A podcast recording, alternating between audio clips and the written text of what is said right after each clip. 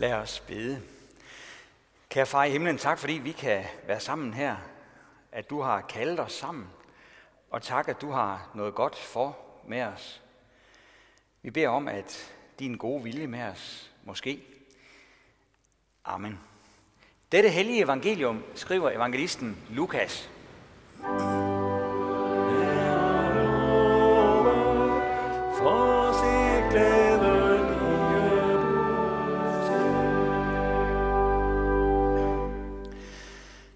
Apostlene kom også i strid om, hvem af dem, der skulle regnes for den største. Da sagde han til dem, Folkenes konger hersker over dem, og de, som udøver magt over dem, lader sig kalde velgørere. Sådan skal I ikke være. Men den ældste blandt jer skal være som den yngste, og lederen som den, der tjener. For hvem er størst? Den, der sidder til bords, eller den, der tjener? Er det ikke den, der sidder til bords? Men jeg er iblandt jer som den, der tjener. Jeg er det, der er blevet hos mig under mine prøvelser, og ligesom min far har overdraget mig riget, overdrager jeg det til jer, for at I skal spise og drikke ved mit bord i mit rige, og I skal sidde på troner og dømme Israels 12 stammer. Simon, Simon, Satan gjorde krav på jer for at sigte jer som hvede, men jeg bad for dig, for at din tro ikke skal svigte. Og når du engang vender om, så styrk dine brødre. Amen.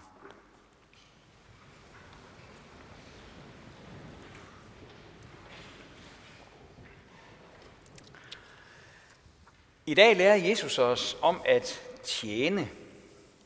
Ordene er fra Lukas referat fra skærtorsdag aften. Det var aftenen, hvor Jesus indstiftede nadveren og sagde, dette er mit læme, som gives for jer. Gør dette til ukommelse af mig, og dette bærer af den nye pagt ved mit blod, som udgydes for jer til søndernes forladelse. Og så spiste de måltidet sammen. Det måltid, der pegede frem imod, hvad Jesus skulle gøre for dem dagen efter.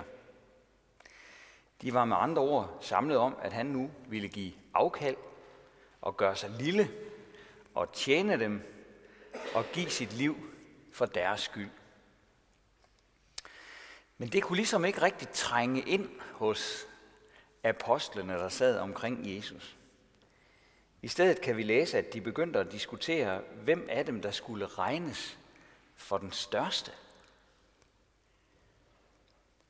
Kontrasten er så stor, som den næsten kan være. Jesus han har, han har sagt, at han vil blive alles tjener. Han vil stille sig nederst i hierarkiet. Og så begynder disciplene at diskutere, hvem af dem, der er den største. Her er det så, at Jesus gør noget meget mærkeligt. Vi kan læse om det i sammenhængen hos Lukas, som dagens tekst er sakset ud af. Han rejser sig fra bordet, han lægger sin kjortel, han binder et håndklæde om sig, og så begynder han at tage en, ja, han tager en vaskebalje, og så begynder han at tage en, en runde og vaske disciplenes fødder. Og bagefter siger han, forstår I, hvad jeg har gjort mod jer? I kalder mig mester og herre, og med rette, for det er jeg. Når nu jeg, jeres herre og mester, har vasket jeres fødder, så skylder I også at vaske hinandens fødder. Jeg har givet jer et forbillede for, at I skal gøre, ligesom jeg har gjort mod jer – Sandelig, sandelig siger jeg jer, siger Jesus, en tjener er ikke større end sin herre, og en udsending ikke større end den, der har sendt ham.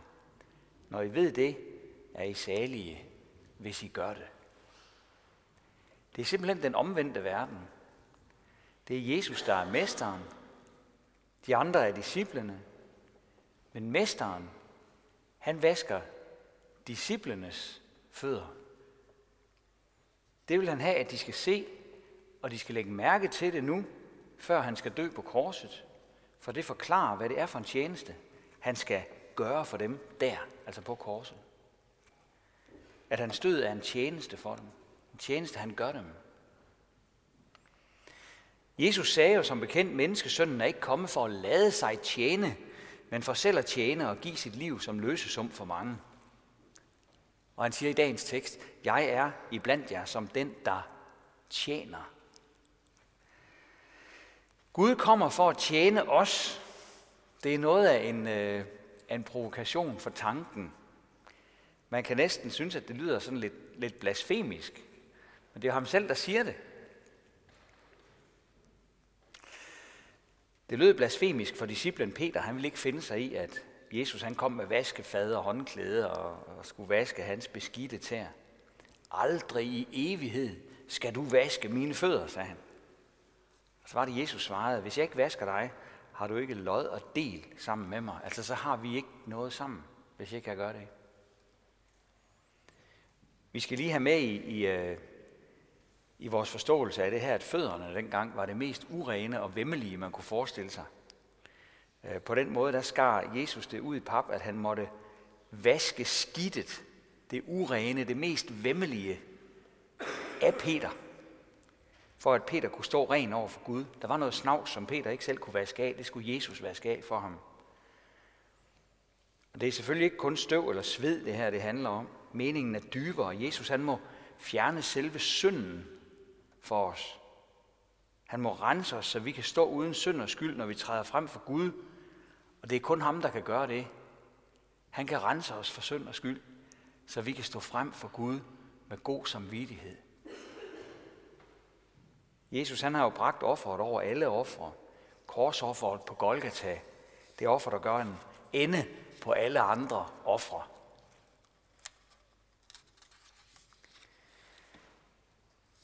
Når vi er samlet om Guds ord og dåben og nadveren, så kaldes det for Guds tjeneste. Og jeg ved ikke, om du har tænkt over, hvorfor det, hvorfor det hedder sådan. Er det fordi vi sådan 10.30 om søndagen går hen i kirken for at tjene Gud? Nå, nu er den ved at være halv 11, så skal vi til at tjene Gud. Det ville på en måde være oplagt at forstå det sådan, at vi går til Guds tjeneste for ligesom at, at gøre Gud tilfreds. At, at vi kommer med et eller andet til ham, et offer, øh, giver ham noget, som han har brug for. Der var engang et kristent møde, hvor mennesker sang lovsange til Gud. Der var flere hundrede, og der blev virkelig sunget til. Sangen var meget stærk og smuk. Så sagde mødelederen, Gud må godt nok være taknemmelig, når han kan høre, hvor mange der synger lovsang til ham i aften. Så var det ligesom om det, det hele bare blev sådan lidt en maveplasker på en måde. Gud må godt nok være taknemmelig, når vi synger til ham. Gud skal jo ikke være taknemmelig.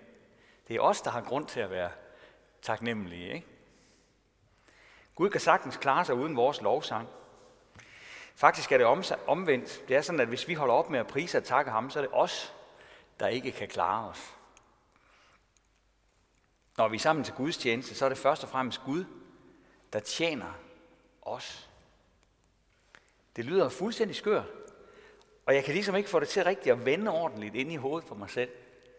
Det kan være, at du er lettere ved det, jeg ved det ikke. Men jeg synes bare det der med, at Gud, der har skabt himmel og jord, han kommer her, blandt andet her, blandt andet kl. 10.30, og så tjener han os. Han hjælper os. Han tjener os. Det er virkelig uhørt. Det er, hvad intet øje har set, og intet øre hørt, og hvad der ikke er opstået i noget menneskes hjerte. Sådan bliver evangeliet betegnet i, øh, i vores Bibel. Det er ikke opstået i noget menneskes hjerte. Alle religioner verden over, de handler om, at mennesket skal yde noget til Gud. Mennesket skal tjene Gud og gøre Gud tilfreds og betale Gud et eller andet, og så håbe på, at Gud kvitterer med, med noget godt til os. Og det her, det er jo lige stik modsat. Det er ikke opstået i noget menneskes hjerte, det her. Det er helt sikkert. Mennesker kunne aldrig have fundet på den måde at tænke om Gud på. Men Gud har bestemt det sådan, ligesom han bestemte, at Jesus skulle komme, ikke for at lade sig tjene, men for selv at tjene og give sit liv som løsesum for mange. Sådan har han bestemt, at Jesus vil komme, hver gang bare to eller tre er samlet i hans navn, og så vil han tjene os. Og det må virkelig kalde på vores taknemmelighed. Gud skal ikke være taknemmelig, når vi synger lovsange for ham eller beder til ham. Lægen henne på skadestuen skal jo heller ikke være taknemmelig, når vi kommer hen til ham med en brækket arm. Så er det os, der må glæde os over, at vi har muligheden, og at lægen står til tjeneste for os. En mor skal heller ikke være taknemmelig, når hendes familie vil komme og spise den aftensmad, hun har lavet. Det er retlig familien, der har grund til at være taknemmelig, fordi hun har haft arbejdet i køkkenet og vil gøre dem den tjeneste og servere en god middag. Det er vigtigt, at vi går i kirke på den rigtige måde. Kan du høre det? Altså, at vi ikke øh, bilder os noget forkert ind om gudstjenesten, så vi tror, at Gud skal være taknemmelig for et eller andet, vi kommer med. Det er nemlig at, at køre helt af sporet med det. Vi lovsynger og tilbeder Gud. Det har han givet os lov til at gøre. Og det er, som det skal være, når vi gør det. Guds ord taler så klart og stærkt om det. Han har sagt, at han vil være far for os. Gud elsker sine børn. Han satser på os. Han offrer ære og anseelse for vores skyld. Vi er hans øjesten. Han kender os individuelt fra undfangelsen af, læser vi i vores Bibel. Og han har offret det dyrebareste, han har for vores skyld, nemlig sin søn. Men lige så tydeligt taler Bibelen om, at takken må være helt på vores side. Når vi mødes på søndagen, opstandelsens og glædens dag, så har vi lejlighed til at give vores tak frit løb, når vi beder far i himlen, ham der troner så højt som ingen anden, og samtidig ser så langt ned som ingen anden om at tage sig af os. Vi kan bringe Gud takoffer ved at bekende, at han er Gud, og at der ikke er nogen anden Gud. Fordi Gud er barmhjertig mod os, kan vi bringe os selv som et offer, der er Gud til behag. Men det er kun svaret på alt det, som Gud i udgangspunktet tjener os med, når vi er sammen med ham, og vi bliver udsat for alle de tjenester, han vil gøre os. I dag har vi læst om Kain og Abel, Adam og Evas to drenge, de første to brødre på jorden. Der stod, at de offrede begge to til Gud. Flere steder i Bibelen siger Gud ellers udtrykkeligt, at han ikke har brug for menneskers ofre af det ene eller det andet. Han kan sagtens klare sig uden. Men han tog imod Abels offer. De må have haft noget sammen, Abel og Gud. Abel må have lavet sig tjene af Gud først, og så har offeret været hans fattige tak. Kains offer derimod ville Gud ikke tage imod. Og så kunne Kain jo have lavet Gud afgøre den sag. Men der står, at han blev sur og vred. Måske har han tænkt, at det var for dårligt af Gud ikke at tage imod hans offergave. Her var han stået tidligt op for at gøre Gud en tjeneste. Han havde medbragt de bedste råvarer. Han havde sandelig afset noget af sin sparsomme tid til at prise Gud. Og så var Gud ikke engang taknemmelig. Vi hører ikke så mange enkeltheder, men det tyder på, at de to måder at tænke om gudstjenesten på, har rødder helt tilbage til de første mennesker. Det er vigtigt, at vi ikke bilder os ind, at vi går i kirke for ligesom at, at hjælpe Gud med et eller andet. Gudstjenesterne er først og fremmest, at Jesus tjener os. Tjener os med at vise os korset, hvor han døde for vores skyld. Tjener os med at vise os hen til den tomme grav, som han opstod fra.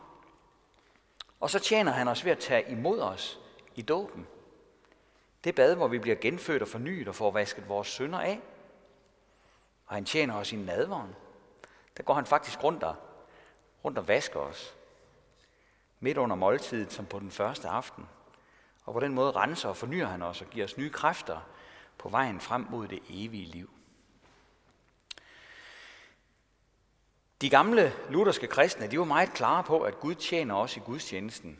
Og her afslutningsvis, der skal vi høre, hvad en af Luthers nære venner, Veit Dietrich, han skrev om det. Han sagde, at der er en indre gudstjeneste og en ydre gudstjeneste. Den indre gudstjeneste, den består i, at Gud kalder troen og gudsfrygten og bønnen og bekendelsen frem i os. Gud gør noget godt med os, så alt det vokser frem. Og det gør han ved at give os tilgivelsen som gave. Værsgo. Du er tilgivet 100% gratis.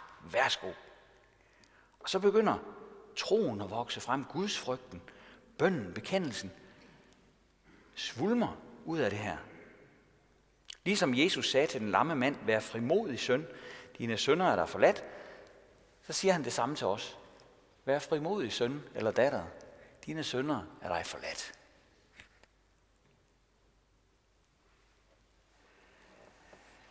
Når han tjener os med sit ord, så får vi tilgivelsen og så skaber han en ny lydighed i os, så vi kan tjene ham i hverdagen. Ikke fordi han har brug for det, men fordi andre har.